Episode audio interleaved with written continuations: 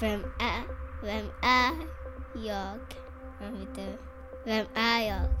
Vem är du? Vem är jag? Vem är jag? Vem är du? Vem är jag? Vem är jag? Vem är jag? Vem är jag? Vem är jag? Vem är jag? Vem är jag? Vem är jag?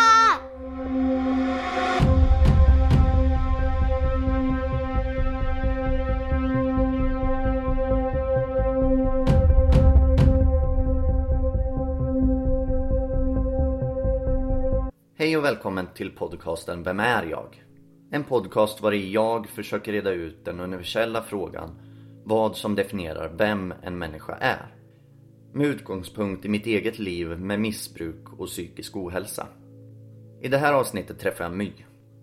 Hon är en högutbildad kvinna med stor familj och tillhör därmed en grupp av missbrukare som lever mer i det fördolda än andra. Idag lever hon nyktert och hjälper andra genom sitt arbete som alkohol och drogterapeut. Jag är väldigt tacksam över att hon så öppenhjärtligt och ärligt berättar sin historia i hopp om att hjälpa andra. Här är avsnittet med My Skarsgård.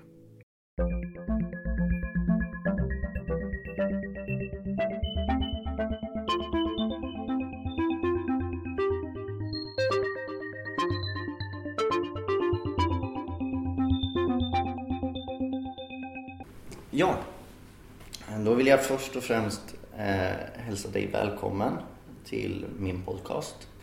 My Skarsgård, läkare, alkohol och drogterapeut och nykter alkoholist. Ja, det låter bra. Ja, Mm, det stämmer bra. vad bra, välkommen. Hej, tack.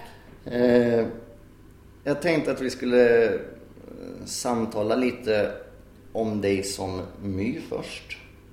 Eh, och eh, sen kanske prata lite utifrån din yrkesroll som terapeut. Känns det okej? Ja, Jag tänkte på att du tillhör ju en grupp som eh, man rent allmänt kanske inte förknippar med beroendesjukdomen. Jag tänker, du är högutbildad och du är kvinna. Det finns ett stort mörkertal där tänker jag. Eh, vad tror du att det, det beror på att det ser ut som så? ja det är en jättestor fråga. Ja, Eh, Jag vet. Och det finns många olika eh, pusselbitar till varför det ser ut så, tror jag.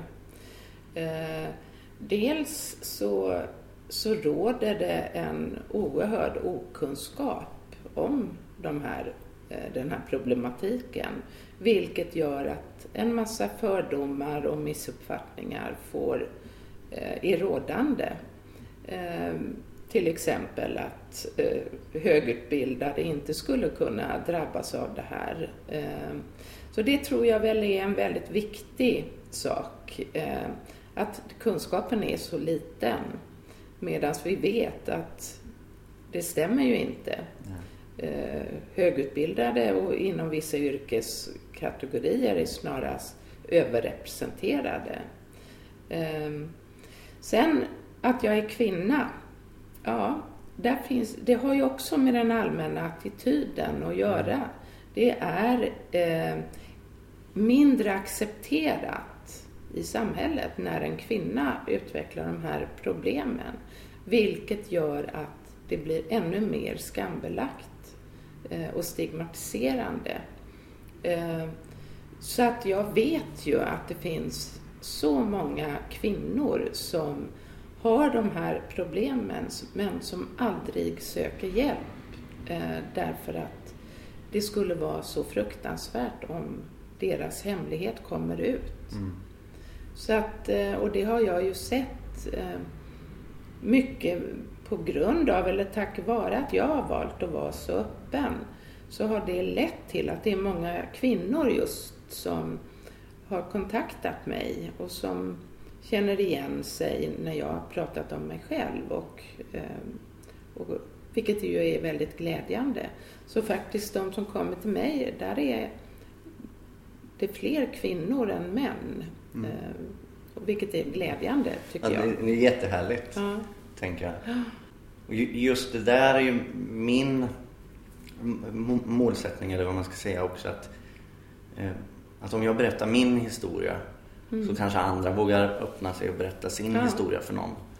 Och ta kontakt och ta hjälp. Mm. Men eh, jag är ju man då, då så att jag kan ju inte hjälpa kvinnor på samma sätt som en kvinna kan göra. Nej. Dessvärre. Eh, och det, det ser ju jag också. Och det typiska som jag ser och som många kanske ser, det är ju en man i arbetarklass. Medelålder kanske.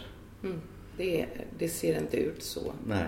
Eh, Det är inte den typiska. Det, det, det är en demokratisk sjukdom som drabbar vem som helst och den bryr sig inte om eh, socioekonomiska frågor. Nej, precis. faktiskt. Nej. Jag vet inte, nu kanske du svarade på den här eh, sammanfogade frågan som jag hade också. Eh, om hur det är att tillhöra den minoritet av missbrukare som, som en...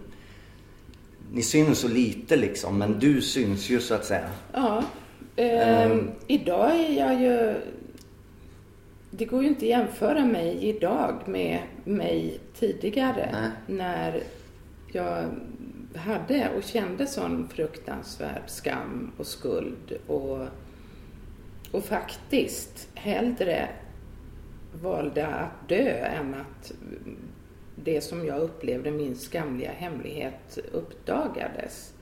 Eh, till idag när jag med glädje står och pratar om hur det var eller eh, och hur skamligt det var så att säga. Så att eh, idag så är ju inte det något problem för mig. Att jag är kvinna, att jag har sex barn, att, eh, eh, att jag har den här sjukdomen. Eh, eh, för det, det visste jag ju, det är ju också en sån sak. De flesta anser ju inte att det är en sjukdom trots att vi vet det. Eh, eh, Det visste jag när jag eh, drack att det var, men, men det var ändå så skamligt så att jag kunde inte se hur, hur jag skulle kunna ta mig ur det. Men idag så är det ju min en styrka och jag känner ju ingen skam. Eh, Jag, jag kan fortfarande tycka att det är hemskt om jag har utsatt mina nära och kära för smärta när jag drack. Men det kan jag inte göra mycket åt. Eh, idag är jag ju istället stolt över att jag har tagit mig ur Ja. det.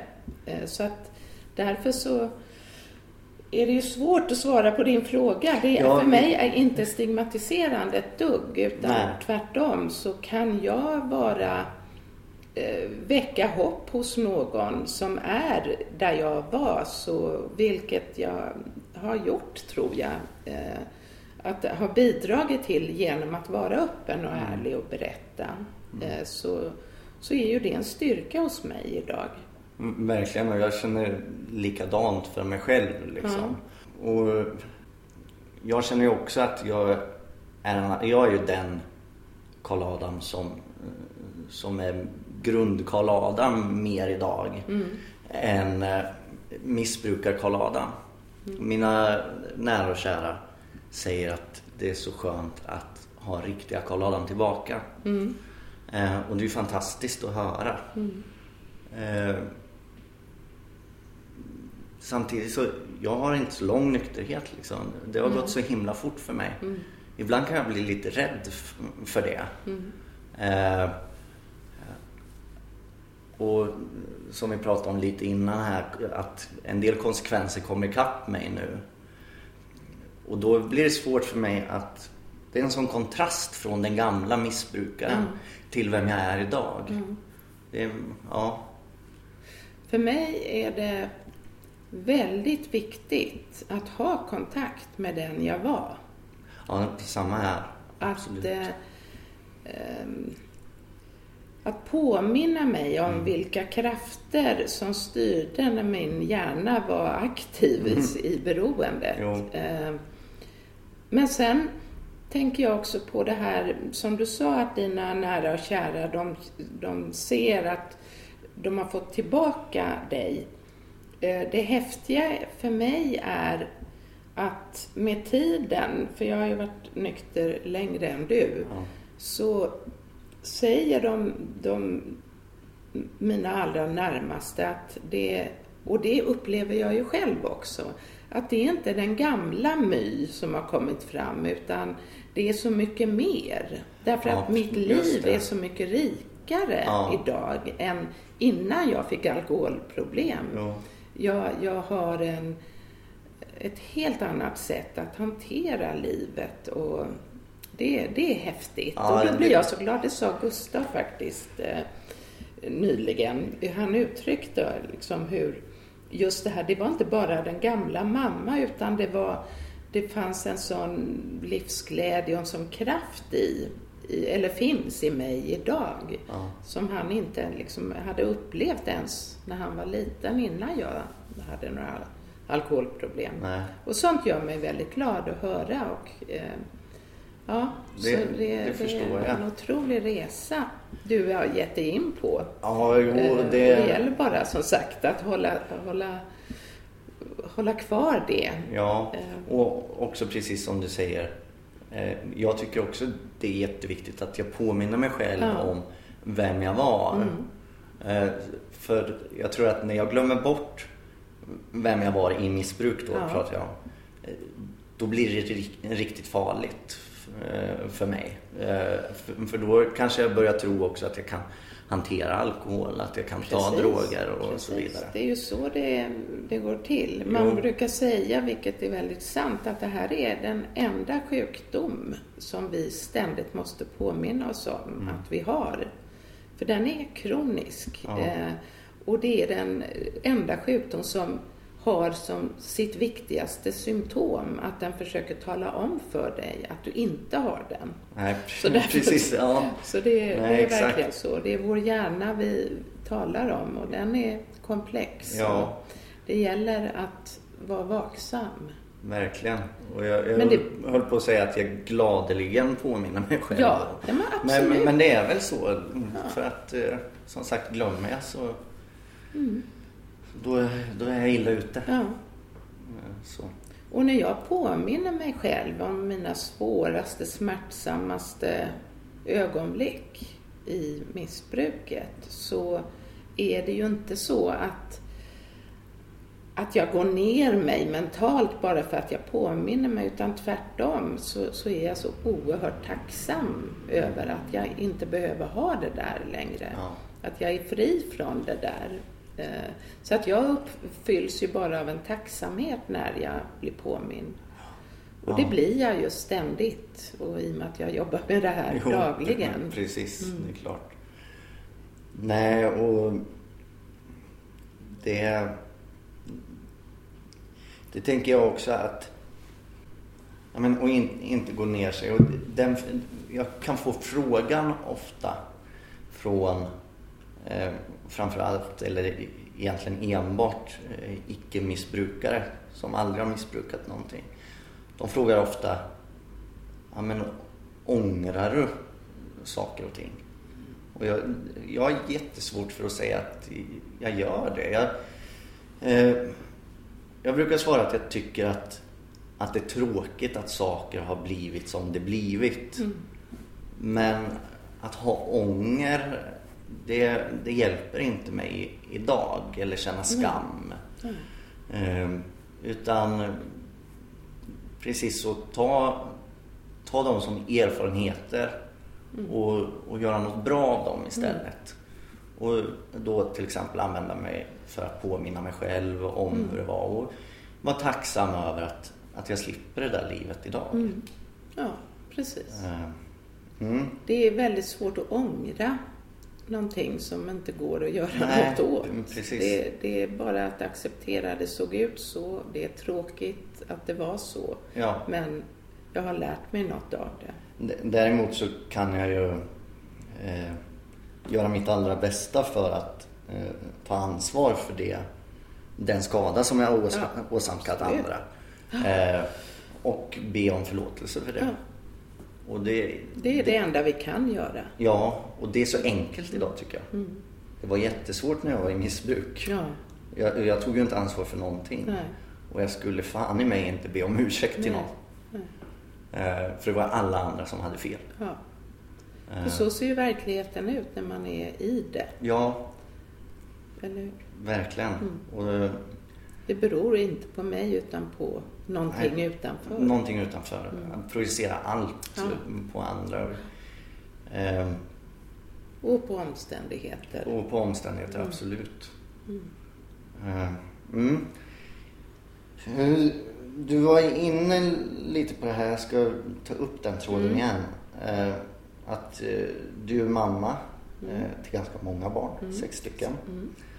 Eh, och det, är också, det finns ju en stor stigmatisering kring ett missbruk, alkoholmissbruk eller drogmissbruk. Eh, förenat med eh, att vara mamma. Mm. Eh, hur förhöll du, du dig till den relationen? Liksom? Att, att vara mamma och också missbrukare samtidigt? Det, det var fruktansvärt. Eh, Jag mådde jättedåligt över att känna att jag inte var där för dem. Eh, Jag var fysiskt närvarande. Jag drack inte heller på ett sätt så att jag liksom blev påtagligt berusad. Men jag drack ju konstant för att, bara för att dämpa hela tiden. Men även om och liksom jag skötte allt som det, det yttre. Men jag var inte närvarande och det kände jag ju själv. Att den här enorma ensamheten i att vara omgiven av de som älskar mig. Men jag når inte dem och de når inte mig. Det var eh, hemskt att känna och eh, och det kunde jag ju också eh, använda alkohol för att slippa känna. Det, det, det är ju den här spiralen Ja. som bara blir värre och värre. Jag, jag stod inte ut med mig själv, med den jag var. Och just att vara mamma och inte vara en bra mamma. Jag kände mig ju som den sämsta mamman på jorden. Och eh, ehm, jag, jag utvecklade ett enormt självförakt. Eh, där jag... Eh, vilket också gjorde att på något sätt legitimerade det också att jag fortsatte dricka. Därför jag, Mm. jag var inte värd bättre. Det, äh, världen eller mina barn skulle vara, må bättre utan mig. Det var så jag såg på det. Mm. Ehm, Så det, det var eh, väldigt hemskt. Och Mm. som sagt... Eh, Mm, Nej, för att jag är ju, som jag sa till dig innan här, jag är ju pappa till en snart sexårig dotter. mm, Och jag har ju också känt, känt av den där skammen och, och otillräckligheten som pappa. Och sen så brukar jag också säga det här som, som du säger att men jag, jag drack aldrig så att hon såg och, och jag var inte påtagligt eh, Mm. full eller berusad. Eh, och tänker som om det inte skulle ha påverkat henne. Nej, liksom. Det är klart att det har precis. påverkat Ja. henne. mm, Eh, och att det också har varit eh, en anledning till att fylla på då. mm. Och, och framförallt de veckorna som, som jag inte hade henne. Då, och det blir ju också att ta igen en vecka där på något sätt. Mm. Att måste hålla mig relativt Ja, eh, När du hade henne. alltså. när jag hade henne. Och, och sen Mm. så Det är ju ett vanligt får jag mönster. su- När, när, supa mer när jag inte Mm. har henne. ja. Nej, alltså jag... Det är inte alls så att jag inte inser att de Nej. såg och att de mådde jättedåligt. Men då så kunde jag liksom tänka, ja, men det, jag gör ju i alla fall eh, vad, vad rent det praktiska. Jag tvättar deras kläder, jag, jag lagar mat och så vidare. Och det blev ju för mig på något sätt eh, då förminskade jag betydelsen av hur illa det egentligen var. För jag orkade ju inte se hur illa det var. Nej. Det är ju först i efterhand Och- som jag ja. verkligen har, det har gått upp för mig hur smärtsamt och hur förtvivlade de var. Mm. Även om jag ändå kände det, som jag sa, och vände det mot mig själv. Att jag är, jag är så då, jag är inte värd någonting. Nej. Och det blir ju ett rättfärdigande också att ja, men jag, jag diskar ändå, jag lagar mat Ja, och jag, ja. jag hänger tvättat. Jag, jag gör ju de här bra sakerna. Eh, så då kan jag ju få, få dricka. Jag gör ju ändå någonting. Ja. Liksom. Eller jag går till jobbet eller vad det nu än kan vara. Men det var jättebra att du förtydligade där för att det, det blir svårt eh, ibland när man pratar så här om och det är viktigt att hålla isär också hur för mig är det det, hur jag tänkte som missbrukare Ja. och hur jag tänker idag. Mm. För det är ju så stor skillnad. Ja, precis. Eh, och det är först idag som jag kan reflektera över eh, hur jag tänkte då och se det sjuka i det beteendet. Ju Med, med, Medan jag då tyckte att eh, jag Precis. tänkte helt rationellt. Ja, sjukdomens logik brukar Ja. jag säga. Men det är den som är så viktig att, att ha kontakt med. För det gäller att känna igen när den går igång. För det kan ju hända. Jo, människor absolut. tar återfall, människor dör i den här sjukdomen. Jo. Även om man har eh, tillfrisknat eh, Ja. och varit nykter ett tag. Jo. Men det, det är viktigt att känna igen och identifiera när det går igång. Och det kan man ju bara göra genom att hålla det vid liv, liksom minnet av hur det faktiskt hur Verkligen. tokigt det var Ja. och hur tankarna och logiken såg ut. Absolut. Mm. Din historia eh, till missbruket kanske jag ska säga är ganska intressant tycker jag. Mm. Eh, jag har läst lite artiklar och sådär. Eh, och vad jag har förstått det som, du har aldrig egentligen tyckt om alkohol? Nej, Riktigt jag har aldrig... Jo, jag nog tyckt om Ja, själva alkohol. Ja, just liksom, Men- tyckt ja. om alkohol. Jag har aldrig tyckt om att vara påverkad. Nej, just det. Så att jag drack aldrig och det var det jag sa lite och även på slutet när jag ändå drack konstant så höll jag mig alltid. Jag drack tills jag fick den här effekten jag behövde, vilket var att dämpa, liksom att det, ångestdämpning, lite att, att fly på något sätt. Men Självmedicinering. Ja, Eller? fast jag, jag gillar inte det uttrycket. Nej, för okej. det, det är liksom, självmedicinering låter som att jag, uppnår någonting. Men jag Ja, gör ju inte det. Nej. Mer än för stunden. Men jag får ju raka motsatt effekt Ja. Sen. Så att, ja, men skitsamma. Nej, men det har jag inte, Nej, jag tänkt det, på. Men det, nej, men det, Ja. det är så vanligt och det används också inom vården, så Ja, självmedicinering. Och jag tycker det är så fel. Ja. För det är ingen medicinering. Nej, för effekten av den medicinen är bara att det blir sämre och sämre. Verkligen, jag förstår det resonemanget helt och hållet. Ja, ja. Men hur som helst så för mig var det att ehm, så jag hade aldrig, vilket andra kan ha, att man får konsekvenser av att jag beter mig eller liksom när du är berusad. Men eftersom jag aldrig drack så, så blev det aldrig de yttre konsekvenserna utan konsekvenserna blev mer subtila och framförallt i mig. Ja. Ehm, och eh, jag, jag som sagt tyckte inte om och har aldrig gjort det. Alltså när jag var ung eller när man började prova alkohol så kände jag, så blev jag rädd. När jag kände av den här effekten, liksom att jag inte hade kontroll. Ehm, och jag var ju till och med, jag var väldigt motståndare till alkohol, var med i NTO i tonåren och ehm, ja, jag hade varit med om saker i samband med alkohol som barn. Så att det, det, jag tyckte verkligen illa om den. Ja.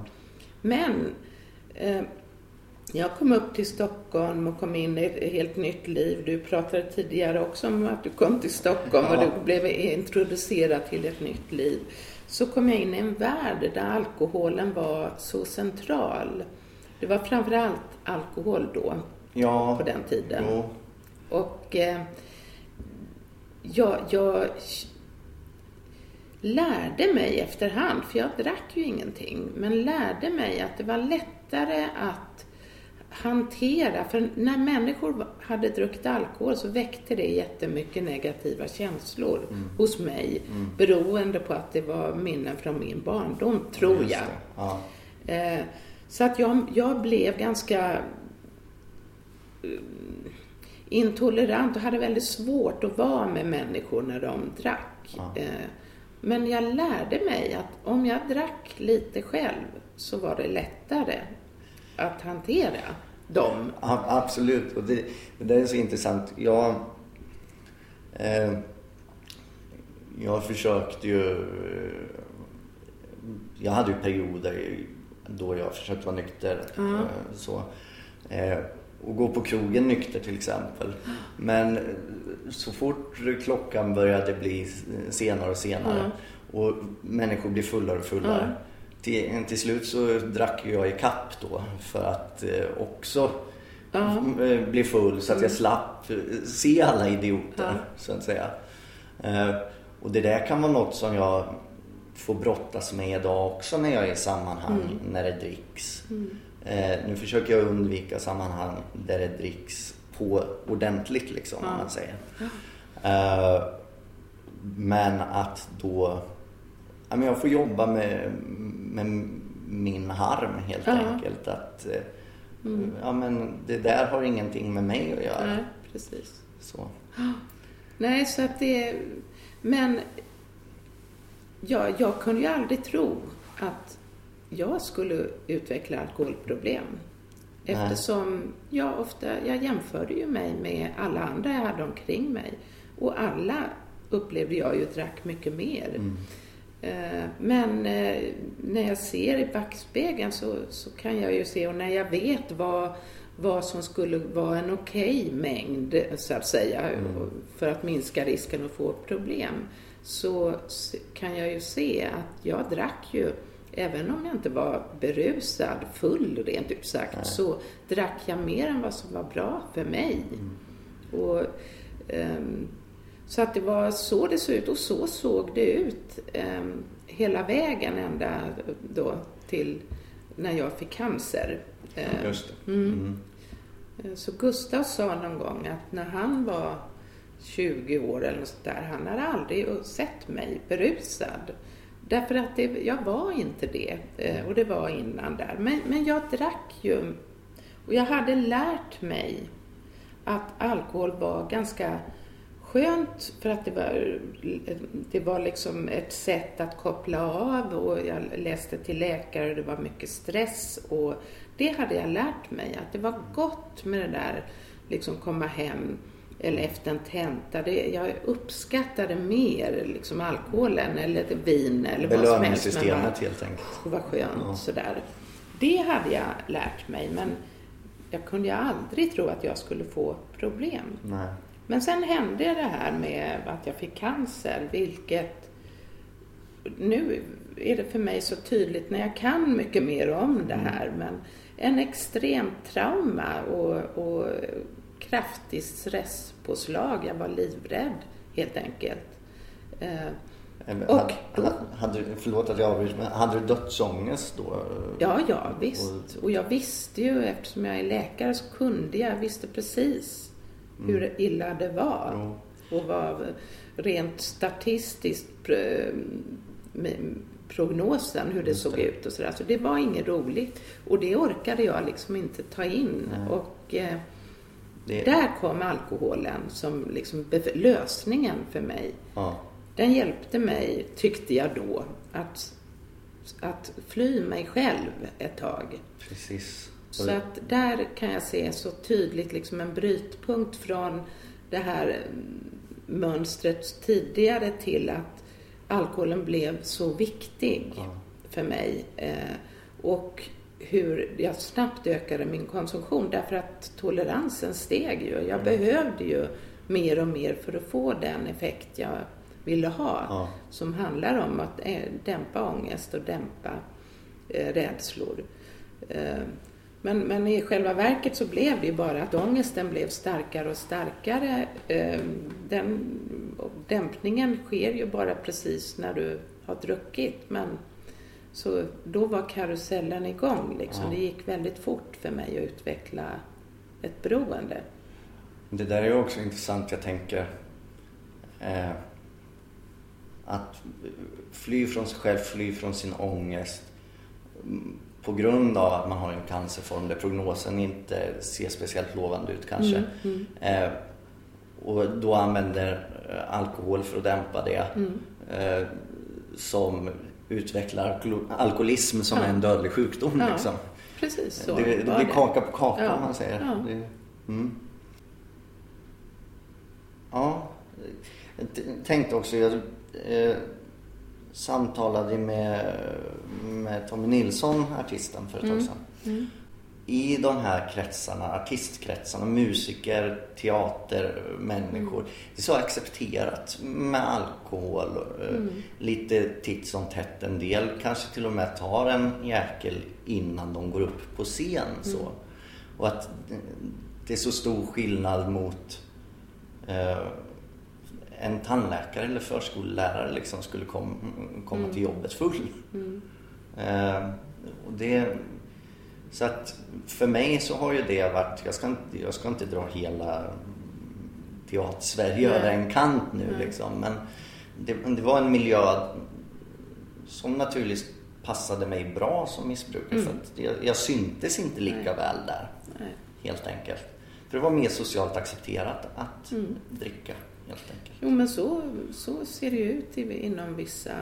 eh, Så där kan man ju säga att myten innehåller en viss sanning. Ja. Eh, Väldigt många kreativa yrken har en tillåtande attityd. Mm.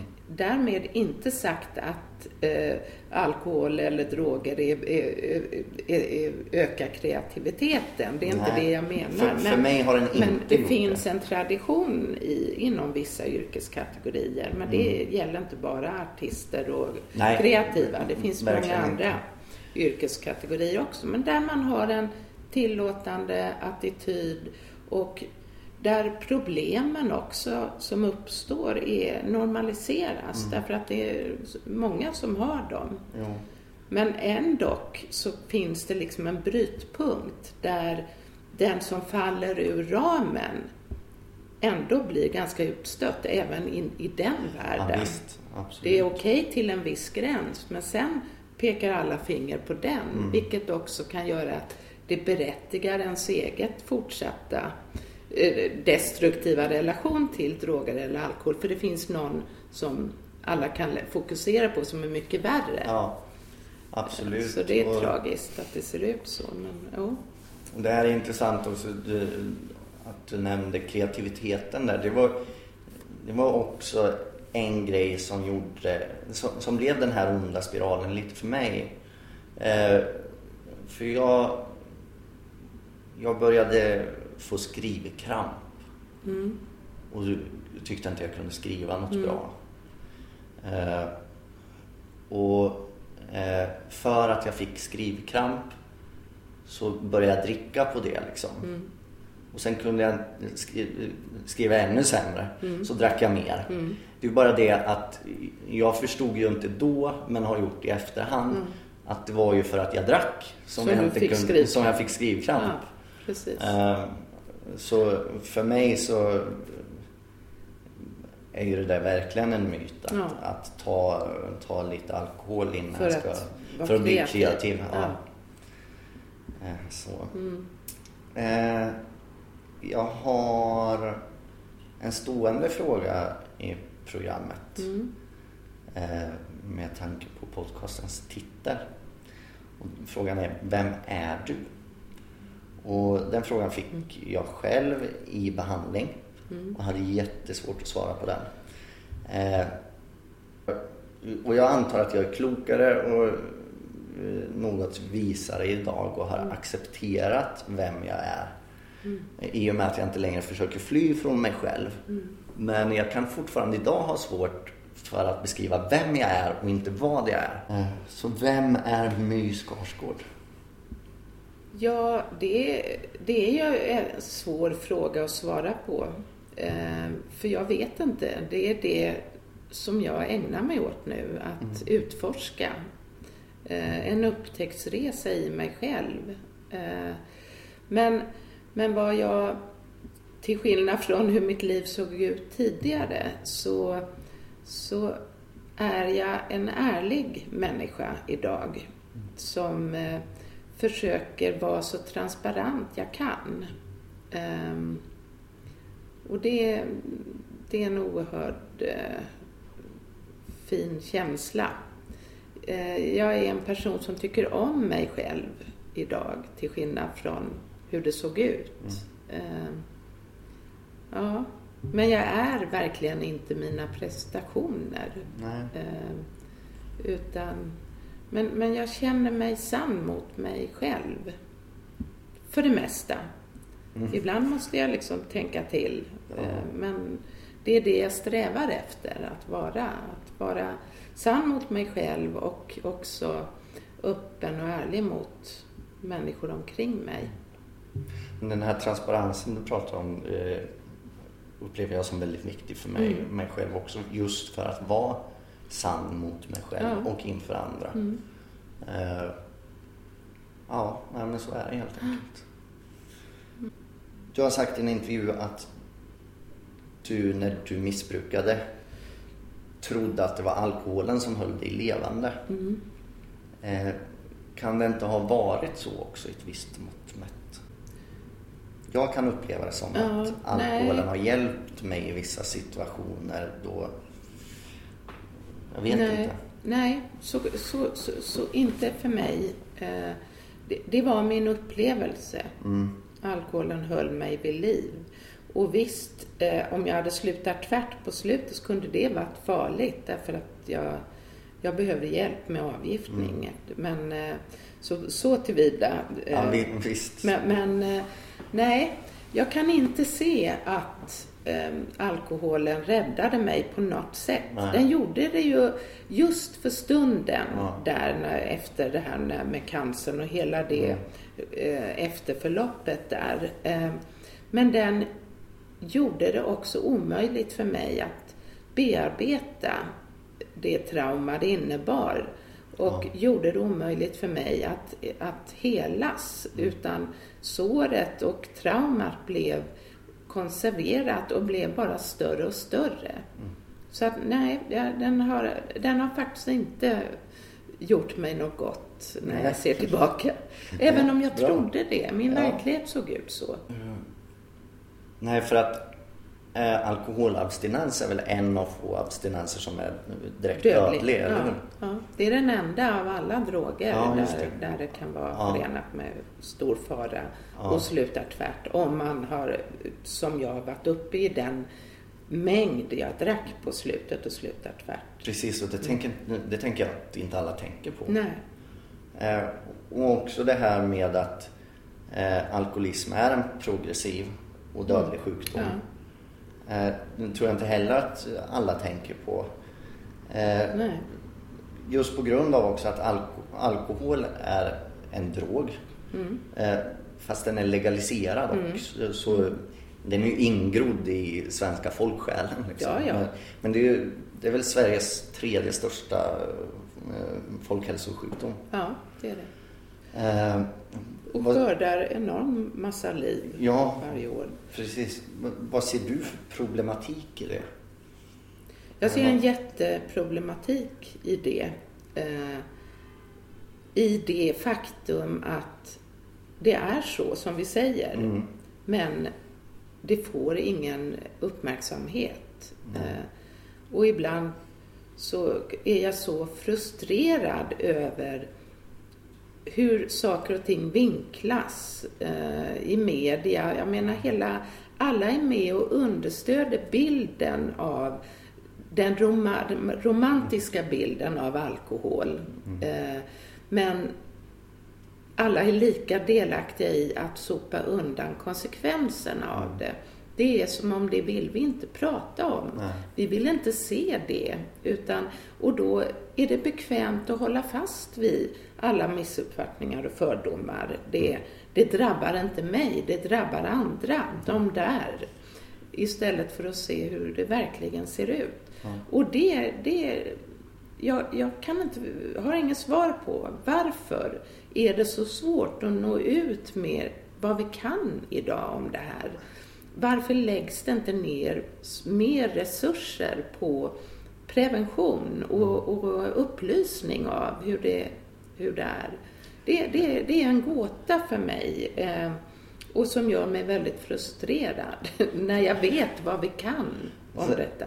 Samma här och, och när jag läser eh, om människor, eller möter människor också som eh, kanske delvis tror att jag kan bara ta ett glas sådär. Mm. Eh, raljerar över att eh, nyktra alkoholister, de är rädda för minsta lilla glas. Och det mm. handlar ju inte om det. Jag, alltså rent praktiskt så kanske det skulle vara möjligt för mig att ta ett glas öl. Nu har jag aldrig druckit ett Nej. glas öl. Så att, eh, men, sådär, men det är ju inte värt risken heller att väcka upp de här gamla känslorna och gamla missbrukaren för den ligger så nära. Precis, och, och det, det väcks upp. Det skulle sannolikt kanske gå bra för dig att dricka ett glas. Men vad händer i din hjärna när du har gjort det? Ja. Och vad drar det igång? Jag tror jag kan dricka det, två det glas nästa gång kanske. Precis. Ja. Och hela livet kanske handlar om när ska jag få göra det igen? Precis. Det är ju så det ofta ser ut med de som tar återfall. Jo. De tror att nu kan jag. Mm. Men det är också intressant tycker jag och så sorgligt. Så fort det dyker upp något nytt rön om eh, att det ska kunna gå att dricka eh, så får det en sån enorm och det blir stora feta rubriker mm. på kvällstidningar. Eh, det lyfter man fram och vilket skapar väldigt mycket lidande därför att det väcker hopp hos människor som kanske är nynyktra och har precis eh, accepterat att jag, det går inte. Mm. Och så genast så vaknar det här till liv. Ja men titta, det, det kanske går ändå. Mm. Det, det gör mig jättefrustrerad och mm. eh, ledsen faktiskt. Men just också för att det får sån oproportionerligt stor uppmärksamhet. Det är mm. det som jag tycker är så farligt. Mm, jag förstår. Sen det här stigmat också kring alkoholen. Eh, som då vi försöker göra något åt genom mm. att prata om det mm. och, mm. och eh, vara offentliga med det. Mm. Det gör ju att jag upplever det som att vissa människor tassar runt den som eh, är missbrukare men även den som har blivit nykter. Mm. Eh, och att en del är rädda för att vi som nyktra alkoholister då inte ska låta andra dricka som hanterar och dricka mm. normalt. Fast jag, min upplevelse är att de som som undviker mig eller som är rädda för det, mm. det är ofta människor som själv borde titta på sin egen Just konsumtion. Mm. Den som har en oproblematisk eh, relation till alkohol och inte har några problem eh, blir inte hotad av att jag inte dricker. Nej. Mm. Att vi sitter så här och pratar och eh, vi båda är offentliga med våran sjukdom. Mm den där offentligheten och transparensen gentemot alla då som mm. vill ta del av det. Mm. Eh, det funderade jag väldigt mycket kring innan jag började med podcasten. Mm. Eh, hur gick dina tankar kring att gå ut öppet med att, att du hade beroendesjukdom? Ja, det, eller har beroendesjukdom? Det var absolut inte min ambition i början. Eh, jag hade ju som sagt, jag var, kände ju sån fruktansvärd skam och det tog ju tid för mig att komma till att jag började känna mig stolt och började liksom bygga upp en, en god självkänsla och så. Eh, men jag hade i alla fall ingen tanke på att gå ut publikt och prata om det här utan det var när jag hade på sluttampen på min eh, alkoholterapeututbildning började jobba då ute på behandlingsställen eh, som jag såg eh, och blev medveten om att jag, den här skammen som jag kände, jag såg den hos så många som var där. Och jag insåg att det, det är så få kvinnor här. Mm. Vad är alla kvinnor? Så att det, det, var, det var därför. Då började det växa liksom en, ett, en lust att, vad fasen ska jag inte ut och prata om det här? Eh, jag höll ju, det var ju nära att jag dog. Mm. Eh, men jag lever ju och jag vet att det går att bli fri från det där livet jag var i. Eh, så att det var liksom det som gjorde att jag började liksom närma mig den tanken att jag vill berätta. Mm. Eh, och sen så bollade jag det här med barnen och med Stellan då. Eh, att, att jag ville det och då pushade de mig jättemycket liksom. Ja, det är klart du ska. Eh, mm. Och det kändes ju väldigt skönt. För det, det, det förstår jag. De ville ja. de tyckte verkligen, ja men det är klart du ska. Stellan trodde att du får vara beredd på liksom, hur, hur skvallerpressen kan gå igång och det mm. kan så var, var bara liksom förberedd på det, att det mm. kan bli en massa snaskigt skriverier och sådär. Och det var jag beredd på, men det blev ju inte så. Nej. Det är faktiskt eh, ingen, tycker jag, som har försökt göra något eller liksom... Det har inte funnits något snaskigt att skriva. Och det tror jag handlar om att eh, jag var så ärlig. Precis, jag, jag tänker det också. Jag hade att... inget att dölja. Det var Nej. svårt att, att, göra något eh, av det ja. mer än att bara skriva det jag sa. Och i princip så, så blev det ju så. så att, nej. Där hade Stellan lite fel. Eh, ja. Att det inte blev som den baksidan av det hela. Nej, precis. Mm. Tack och lov. Ja. Och det tycker jag har varit samma sak för Gustav som också har valt att gå ut offentligt mm. och prata. Att, eh, han också har mötts med en väldig respekt. Mm, det är något som media den här gången har gjort väldigt bra ja, kan jag tycka. Ja, absolut. Eh, och respektfullt mm, som du mm, säger. Mm. Jag kan ju se också, eller det är många andra som påpekar det också. Men jag kan se det själv och tänka tanken att det har börjat gå liksom, om jag ska raljera lite över det, en trend i att prata om sin beroendesjukdom. Mm. Och det, det görs mycket dokumentärer eh, och poddar kring det och sådär. Mm. Eh, men det tycker jag är jättebra för att det just lyfter upp den här folkbildande mm. eh, typen av mm. Att berätta om mm. sjukdomar. Fast det finns liksom en risk um, att för tidigt, alltså jag brukar säga till de som jag kommer till mig och som jag får förmånen att följa under en längre tid att, eh, att man ska inte göra våld på sig själv. Eh, du måste liksom vara förankrad och trygg i eh, om du ska gå ut och berätta mm. Eh, för mer än liksom de allra närmaste. Det måste kännas rätt. Eh, och där kan jag ibland tycka det finns liksom vissa där man, då, då blir det lite snaskigt tycker jag. Det finns mm. sådana här, de frågade mig en gång om jag vill vara med i något, det skulle dras igång någon celebrity rehab eller något som finns i USA så skulle okay. man göra det här där ja. man liksom har dokusåpor och människor som går in i behandling. Mm. Och det skulle jag aldrig delta i. Mm. Därför att det är att göra våld på de eh, sköra personerna mm. som inte skulle må bra att bli så exponerade. Nej. Så att man måste liksom vara, jag är så glad att det ändå, jag hade ju varit nykter några år när jag valde det här. Det hade aldrig varit bra för mig för tidigt.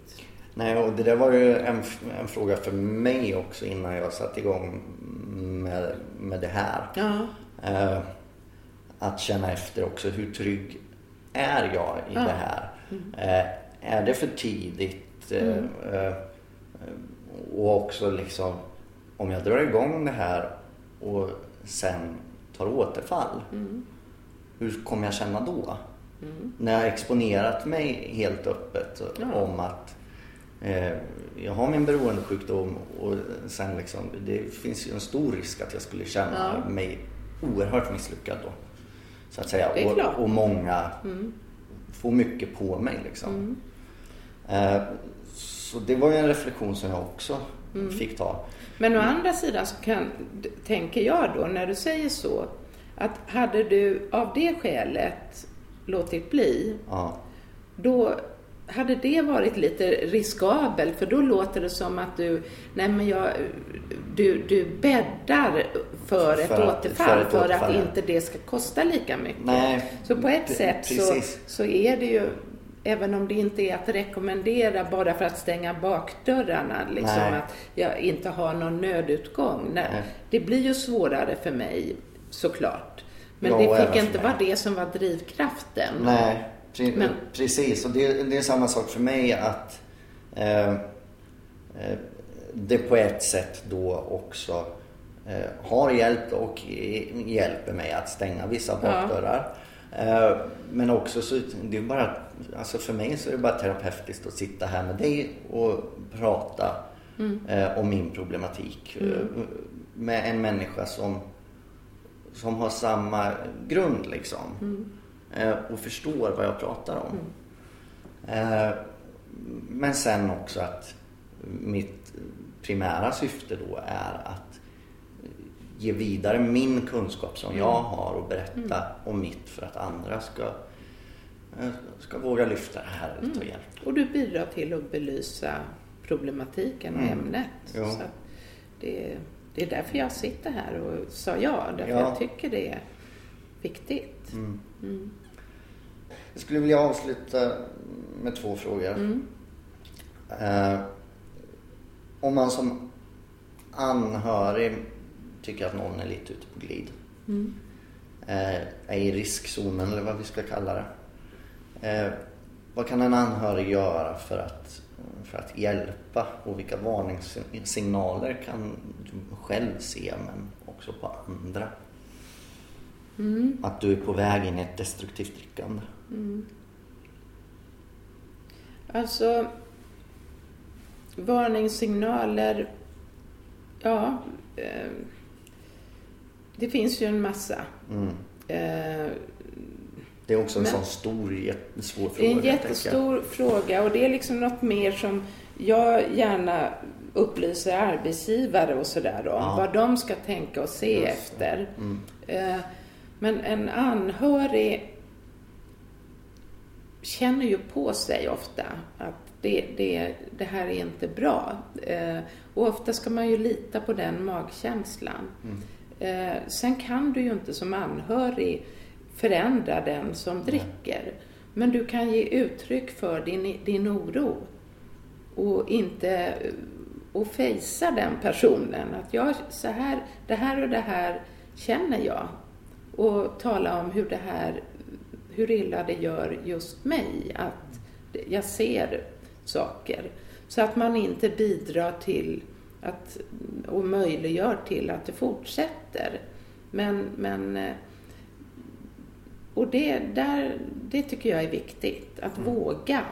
Att ha modet att säga vad man ser. Eh, och, så att det liksom inte är något som tystas ner, vilket ofta sker. Eller att man hoppas, ja men det kanske bara var den här gången, det går nog över. Och, eh, På det sättet så möjliggör man, gör man ju bara att det blir friktionsfritt för den som dricker. Så att det måste ju vara, man måste på något sätt bidra till att göra det lite jobbigt. Ja. Och det gör man mest genom att vara ärlig med det, hur det påverkar mig som anhörig. Att se. Jag känner, ja så tänker Det, jag. och det krävs ju ett väldigt mod för det också, Ja. tänker jag. För det, det kan många gånger vara ganska jobbigt. Mm. Eh, Personligen så blev jag väldigt arg på alla som la sig i och Mm. uttryckte sin oro och så. För jag mådde ju perfekt liksom. Ja, Enligt mig. ja, och du var väl så inne i dig själv så du hade svårt att ta in Ja. att de mådde Att väldigt de mådde dåligt dåligt och var efter. förtvivlade. Ja, verkligen. Men ändå så var det nog bra att de sa det. Ja, absolut. Eh, Jag skulle vilja att du berätta lite kort om din, eh, dina kurser. Mm. My Life heter det va? Ja, den metoden som Ja. jag jobbar enligt. Ja. Just det. Mm. Vill du berätta lite om det? ja, jag ska försöka väldigt Ja. kort då. Ja. Eh, jag, jag jobbar, liksom min modell är i tre steg. Där det första steget som, som är en kortare, en helgkurs, en och en halv dag, eh, vänder sig väldigt brett till alla som vill lära sig mer eh, om de här frågorna. Eh, och den är forskningsbaserad, vilket jag gillar. Den liksom bygger på vad vi kan idag om det här. Helt baserad på forskning.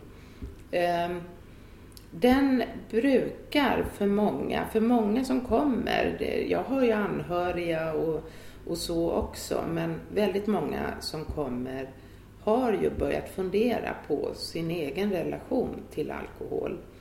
Eh, och för många så, så blir den en vändpunkt eller en ögonöppnare att, eh, att eh, ta tag i eller, eller göra en förändring i sitt liv.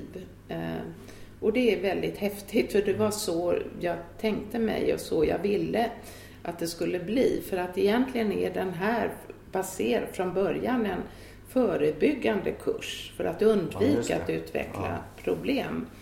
Men jag har liksom modifierat den lite och eh, lägger väldigt mycket fokus på riskerna med att inte göra något åt eh, om det är ett begynnande eller kanske redan du redan har eh, kommit längre i beroendeutvecklingen än vad du själv vet om. Eh, och, och sen så jobbar jag också väldigt mycket med att aldrig själv, jag ställer inte diagnosen. Jag, jag eh, erbjuder kunskap om vad vi kan och sen får man använda den på sig själv. Så man kan säga det är en interaktiv kurs där man liksom hela tiden använder kunskapen jag ger på sig själv för att se var befinner jag mig. Eh, och det är ganska avgörande för hur ska jag förhålla mig framöver. Och jag har haft så många som, som har kommit och som har insett att nej men jag har ju utvecklat ett beroende. Och då blir motiverade att göra något åt det. Eh, och då har jag steg två som då är ehm, för de som har insett och vill få hjälp att hitta en väg till att leva nyktert. Ehm, och den är bara en vecka mot vad det normalt brukar vara mycket längre. Men, men det finns forskning eh, i USA på att har man den här baskunskapen som man får på helgkursen så, så går det att korta ner behandlingstider. För min egen upplevelse när jag var på behandling var att jag var väldigt mycket, vi var väldigt mycket utlämnade åt oss själva. Det var eh, så mycket dödtid på något sätt. Och det var också så många och det blev motprocesser. Folk eh, drogs in i negativt tänkande och drogs till de som inte var motiverade. Och det där, jag var motiverad för jag ville verkligen få hjälp. Men jag kunde se det. Men här blir det väldigt tajt den här intensivveckan som är steg två. Eh, och eh, väldigt fokuserad på förändringen och processen och hur, hur man ska eh, hantera livet utan alkohol. Och steg tre är en uppföljning för de som har varit på veckan under ett helt år, två timmar i veckan. Ja. Så att väldigt kort så är det så det ser ut Ja. för, hos mig.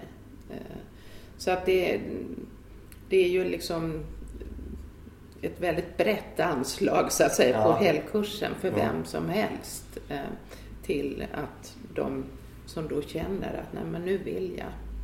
Och det är häftigt för det är så många som, som har velat. Som kanske har kommit och inte alls varit där på helgen men som har fått den här viljan och villigheten att göra en förändring. För man blir ganska medveten om riskerna med att inte göra den. Både rent fysiskt och psykiskt och också psykosocialt och i stort liksom. Vad, vad det här leder till om man bara fortsätter. Häftigt. Ja. Ja, Mm. då vill jag tacka dig så jättemycket för din öppenhet, din transparens och Ja. ett fint samtal. Mm. Tack ska du ha, det var kul. Tack. Mm. Tack för att du lyssnat på det här avsnittet av podcasten Vem är jag? Hoppas ni tyckte att det var ett intressant samtal. Och om du tror att du eller någon i din närhet ligger i riskzonen för ett alkohol eller drogberoende. Leta då upp Mys hemsida och anmäl dig till hennes helgkurs. Den största risken är att du kan få ett bättre liv. Och glöm inte bort att ta hand om varandra.